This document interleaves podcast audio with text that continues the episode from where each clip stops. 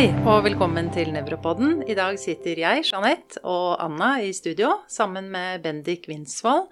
Han er seniorforsker og overlege ved Oslo universitetssykehus. Velkommen. Takk for det. Vi skal snakke om primære versus sekundære hodepiner, og hva det er for noe. Jeg tenker Med hodepine så snakker man jo på en måte iblant om to forskjellige ting. Man snakker om hodepine som et symptom, og så snakker man om hodepinesykdommer. Og, og når man snakker om hodepinesykdommer, snakker man egentlig om primære hodepiner. Og primære hodepiner det er jo hodepiner som, hvor man ikke har en klar årsak. Det har jo en eller annen årsak i hjernen, men det, ikke, det skyldes ikke blødning eller infeksjon. eller et eller annet. Men sekundære hodepiner så har man en tydelig årsak. Så det første man gjør egentlig i all hodepinediagnostikk, er jo å gjøre seg opp en mening om det dreier seg om en primær eller sekundær hodepine. Nettopp. Og vi har jo snakket litt i, andre podkaster, Anna, om dette med liksom hva som kan være årsaker til ulike symptomgrupper. Og der har vi litt sånne huskelister, og det gjelder vel på hodepine også, at man kan ha alle mulige årsaker til hodepine. Altså den på en måte verst tenkelige, litt sånn hjernesvulst, eller blødninger. Eller altså, infeksjoner. Ja, ikke sant? Vaskulære ting. Mm. Det kan være sekundære ting. Kan jo være etter at man har drukket alkohol, f.eks. At man er litt fyllesyk. Eller abstinens etter at man ikke har drukket kaffe. Ja, Det finnes jo utrolig mange ulike sekundære hodepineformer. Kanskje det første man gjør, er å utelukke sekundære årsaker. Og da tenker man jo nettopp på de farlige tingene. Hjernesvulst, blødning osv. Hodepine er kanskje spesielt viktig fordi det er sånn at eh, mange f.eks. med migrene fikk migrenen utløst i en eller annen sammenheng. Ikke sant? De hadde en infeksjon, eller de eh, hadde en kirurgi, traume. Det kan utløse hodepine, som så ligner på migrene, behandles som migrene. Ikke sant? Vi snakker om posttraumatisk hodepine f.eks. På en måte er ikke det, det er greit å diagnostisere, men ofte får det ikke så stor konsekvens. Fordi det behandles da som migrene når det ligner på migrene. Så det jeg tenker på mest med sekundære hodepiner i denne sammenhengen, er jo de skumle årsakene hvor du får en behandlingsmessig konsekvens. At du oppdager den sekundære årsaken, da. Og Bendik, hvordan er det man kan finne ut av om det er en primær eller sekundær hodepineform? En annen måte å stille det spørsmålet på er hvordan kan du utelukke en sekundær årsak. Ja. Ofte det man gjør. Og når man tenker på sekundær årsak i den sammenhengen, så tenker man på en eh, farlig på en måte, årsak som man bør oppdage, som det får en behandlingsmessig konsekvens å oppdage. Og Da tenker jeg at det er to helt forskjellige situasjoner. Om man har pasienter som har en nyoppstått hodepine, type kommer på legevakter eller akuttmottaket, så er sekundære årsaker som Jeanette nevnte i sted, blødning, hjernetumor, infeksjon osv. Veldig sentralt. Mens hos de som har hatt hodepine lenge, så er det eh, ofte fortere gjort. Eh, det jeg gjør når jeg har pasienter som kommer med mer langvarig hodepine, er at jeg tenker det først, har det vart lenge?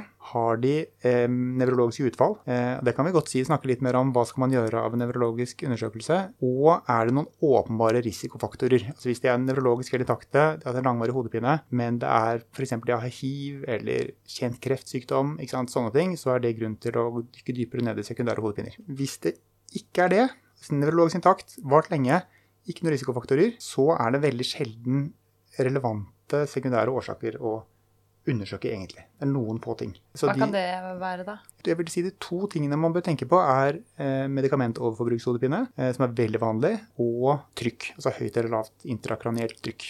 Ja, Som ikke gir noe nevrologisk utfall. For når du sier nevrologisk intakt, så er det det at man kan gjøre alt man ønsker.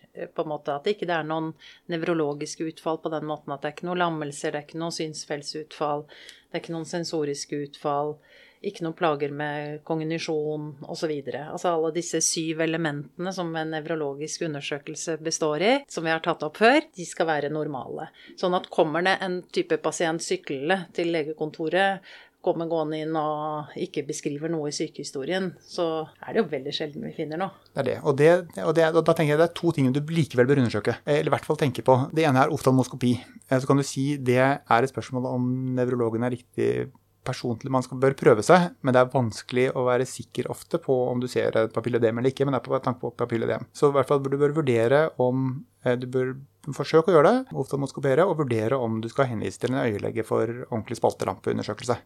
Det tenker jeg er en relevant undersøkelse, i hvert fall. Og så er det å se etter dette med trigeminale autonome symptomer.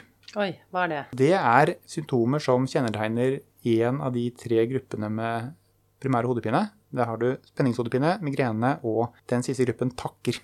trigeminale autonome hodepiner. Og det kommer vi kanskje tilbake til, eh, men det er å se etter rødt eller rennende øye eller begge sider, rennende nese, eventuelt hudforandringer. Iblant kan folk være mer rødflammete eller til og med ha mer hårvekst på ene siden av ansiktet som kan ses ved noen typer hodepine. Og så er det selvfølgelig, som du sier, på en måte, får noen mistanke om noe kognitiv på en måte, dårlig funksjon, eller de forteller om noe eh, endret hudfølelse eller eh, beveger seg rart, så må du gjøre en ordentlig nevrologisk undersøkelse. Det er litt morsomt fordi en liksom berømt norsk hodepineforsker Ottar Sjåstad, som gjennomførte Vågå-studien, hvor de gikk fra dør til dør i Vågå kommune og intervjuet alle med hodepine. Han argumenterer i den artikkelen for at han ikke gjorde en nevrologisk eller somatisk undersøkelse av dem han var hos, men likevel stilte diagnoser. Og Da skriver han at han, etter hans erfaring er det uhyre sjelden man får noe ut av en eh, nevrologisk undersøkelse hos måte, de som fremstår helt intakte. Og så et siste ting også eptose. Det er jo enkelte av eh, pasientene med autonome symptomer som kan ha en lett hengende øyelokk. Og jeg syns av og til det kan være litt vanskelig når jeg ser pasienter, for de kommer jo mellom anfall. Kommer ofte til lege når de ikke har noen plager. Jeg ber dem ofte ta bilde, sånn at jeg kan se om det er noen symptomer, eller eventuelt at de kommer tilbake bruke når de er i type anfall, sånn at man ser godt etter dette. Veldig viktig. Og det er jo TOSA absolutt. og det å ta bilde under anfall. Nå er vi jo egentlig mer over på primære hodepiner, men vi snakket om dette med undersøkelse. Så det, dette med trigeminale autonome symptomer er jo mer for å diagnostisere disse takkene, da. Ja, nettopp. Så da har vi liksom, det å skille litt tydelig mellom hva som er de sekundære hodepinene, altså hva som er en annen årsak til hodepine, og det vi mener med primære hodepiner, er egentlig idiopatisk, da, eller sporadisk. Altså vi har egentlig ikke så veldig peiling på hva som er årsaken til de. Nei, og da tenker jeg, ikke sant, så sekundære eh, her i denne sammenhengen, kronisk hodepine uten nevrologiske utfall og uten store risikofaktorer som kreft eller immunsvikt, så kan man i stor grad anta Eller da er det primær hodepine i utgangspunktet, tenker jeg. Kan det være at det er noe jeg glemmer, men så kan du si sekundære hodepiner kan hvis du tar med alle som har en posttraumatisk hodepine, en postinfeksiøs hodepine etter infeksjon, etter vaksine f.eks., så blir jo den sekundære hodepinegruppen mye større. Men det er sånn som det ofte er veldig vanskelig uansett å komme til bunns i. Var det årsaken? Utløste en latent hodepine? Det får ingen behandlingsmessig konsekvens jeg, i de fleste tilfeller. Så jeg tenker at det klart, Hvis det kommer fra nakken, cervikogenhodepine, det kan ha noe å si. Så det er jo også en ting man kanskje skal legge til på undersøkelsen, er å, å se om du kan utløse hodepinen ved, ved, spesifikke nakkebevegelser, eller spørre pasienten om det. Ja, nettopp. Men nå sa du at det var tre ting du fokuserte på. Det ene var tidsaspektet, og det andre var om det, de var nevrologisk intakte eller ei, og det tredje nå har jeg glemt hva det var. Ja, risikofaktorer. Risikofaktorer, ikke sant. Kan vi ikke gå litt mer inn på disse risikofaktorene, fordi eh, de to første, de kanskje litt klarere, men hvilke risikofaktorer er det man skal være observant på. Så nyoppstått hodepine hos gamle mennesker er en eh, grunn til å dykke dypere ned og gjøre billedundersøkelse. Eh, men eh, andre risikofaktorer? Så det er en huskeregel eh, som står på nevronell, som heter snaret. Snaret, Det er litt eh, dårlig valg av huskeregelord, spør du meg, men det er en, den fungerer. Så det er S for start og utvikling, som går på dette med eh, altså en hyperakutt start er en risikofaktor for blødning i stor grad, eller andre vaskulære ting. Eh, eller hvis du har en nyoppstått gradvis økende hodepine. Så da kommer vi mer tilbake til disse nyoppståtte kortvarige hodepinene, hvor man tenker veldig eh, mye på sekundære årsaker, da. Snarhet, så N er for nevrologiske eh, symptomer eller utfall. Så det har vi snakket litt om. Eh, Allmenntilstand, så det er jo, da, er jo da sånne ting som infeksjon. Mm, ja, ikke sant? Så har du en redusert allmenntilstand, så er det en risikofaktor. Altså hvis du har en, Det vil gå litt sammen. Har du en nyoppstått hodepine med redusert allmenntilstand, så må du tenke på systemiske eh, årsaker. Men klart, Har du eh, hatt en hodepine i tre år og har redusert allmenntilstand, så er det jo mindre relevant. da. Og så er det dette med risikofaktorer som eh, kjent cancer, hiv, eh, graviditet f.eks., med trombose typisk, eh, antikoagulasjon, tenker mer i retning av blødning. Igjen er det mer relevant akutt.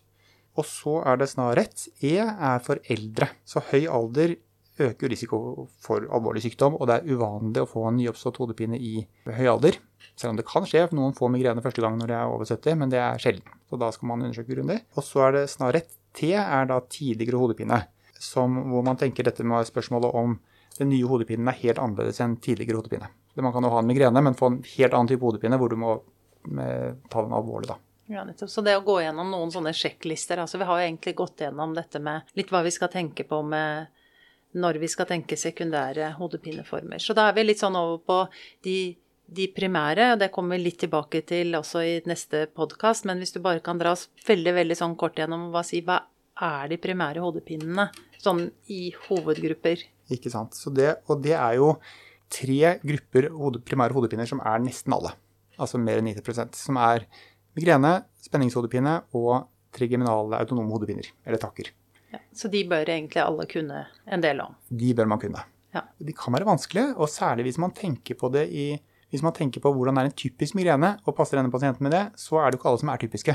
Så Der må man ha, også ha en, en måte, prosedyre for seg selv for hvordan man stiller diagnoser. Da. For det er jo mange av disse her som får billeddiagnostikk på et eller annet tidspunkt hvis man finner noe Eller hvis man hvis man ikke kan helt sikkert si at det er en av de primære hodepinetypene, kanskje. Så da CT i akuttfasen hvis, er, eh, hvis, de kommer inn den veien, men, eh, eller MR. Men er det noe mer enn bildediagnostikk man kan bruke? Nå snakket vi om oftalmoskopi. Er det liksom noe mer det er nødvendig å gjøre med de for å si at dette er ikke en sekundær hodepine? Igjen tror jeg jeg vil snakke om disse kroniske, fordi at eh, de akutte er på en måte en egen gruppe. Ja. Men med mer langvarig hodepine så er det jo MR som altså, eh, Du kan si hvis du har en sterk Hvis du stiller diagnosen migrene, f.eks., så skal det i utgangspunktet ikke gjøres MR. Med mindre det er noe spesiell grunn. Eh, og spesiell grunn kan f.eks. være at, den, at, du har aurasymptomer som alltid er på samme side. Så alltid høyreside aurasymptomer. Det er en grunn til å gjøre MR eh, med angiografi for å se om det er noe underliggende årsak, sånn som en karmalformasjon. Men det er ganske få grunner. Hvis du har en sidevekslende hodepine, så er det veldig vanskelig å forklare det anatomisk. Så hvis man stiller en primær hodepinediagnose, så i utgangspunktet skal man ikke gjøre MR. Men det gjøres veldig ofte i praksis, da. Og så kan du si spinalpunksjon er jo en ting man ofte lurer på. Skal man spinalpunktere? Uforklart langvarig hodepine kom etter eh, vaksinasjon, f.eks. Og der er min tanke er at eh, det er veldig sjelden er god grunn til å gjøre det. Vi har ofte gjort det. Jeg har ikke vært med på at vi har funnet noen årsaker til hodepine på spinalfunksjon. Altså kronisk infeksjon kunne man jo tenke, men det eh, har vi i hvert fall aldri funnet. og Jeg er usikker på hvilken mikrobe det skulle være. Sånn at, og du kan si inflammatorisk utløst hodepine sånn som etter vaksinasjon. Det har vi gjort også vært, det er en studie som, som pågår nå. Vi heller ikke har funnet noe uh, foreløpig mm, indikasjon. Så spinalfunksjon på kronisk hodepine, tenker jeg, da skal man vite veldig godt hva man ser etter, hvert fall. Ja, og da er det vel mer disse trykkhodepinene, altså høyt eller lavt trykk vi er, det er ute etter. Ikke sant? Det har vi jo... Men samtidig så kan man via MR få de diagnosene, så det er ikke nødvendig å, nødvendig, eh, å spinalpunktere nødvendigvis. Nei, det, men det, det, kan jo, det er jo en uh, del av utredningen for så vidt, da. Høyt og mm. lavt trykk. Du kan si det har vi jo kanskje ikke snakket om eh, dette med altså de vanlige sekundære årsakene til kronisk hodepine, som er medikament- overfor brukshodepine og høyt og lavt trykk, da, som man skal tenke på. Intrakraniell hypertensjon og intrakraniell hypotensjon. Riktig. Og det, det klassiske tegnet på intrakraniell hypotensjon, lavt trykk, er jo at det, det, blir verre når man reiser seg opp og når man legger seg. Sånn ser det ut akutt. Men hvis med langvarige symptomer, hvis dette står i måneder, så kan det ofte miste den stillingsavhengige måte, effekten. Så det kan være litt vanskelig diagnose. Eh, og intrakraniell hypertensjon da kan du ha tilleggssymptomer som med synsforstyrrelser, med lysglimt f.eks. Eh, til og med epileptiske anfall eller altså, eh, kortikale blødninger, men det er jo, da er det jo på en måte mer dramatisk. Men der er det, det tenker jeg også man skal ha en lav terskel for å undersøke for. For hvis det er det, så har det en klar behandling. Det kan nok godt være at det er ganske mange som går med uforklarte hodepiner som faktisk har et høyt trykk, men man, eh, det krever faktisk da oftalmoskopi, vil jeg si. For hvis du har en normal oftalmoskopi, ingen papilledem, så og har hatt det i, flere måneder, så er den diagnosen veldig usannsynlig.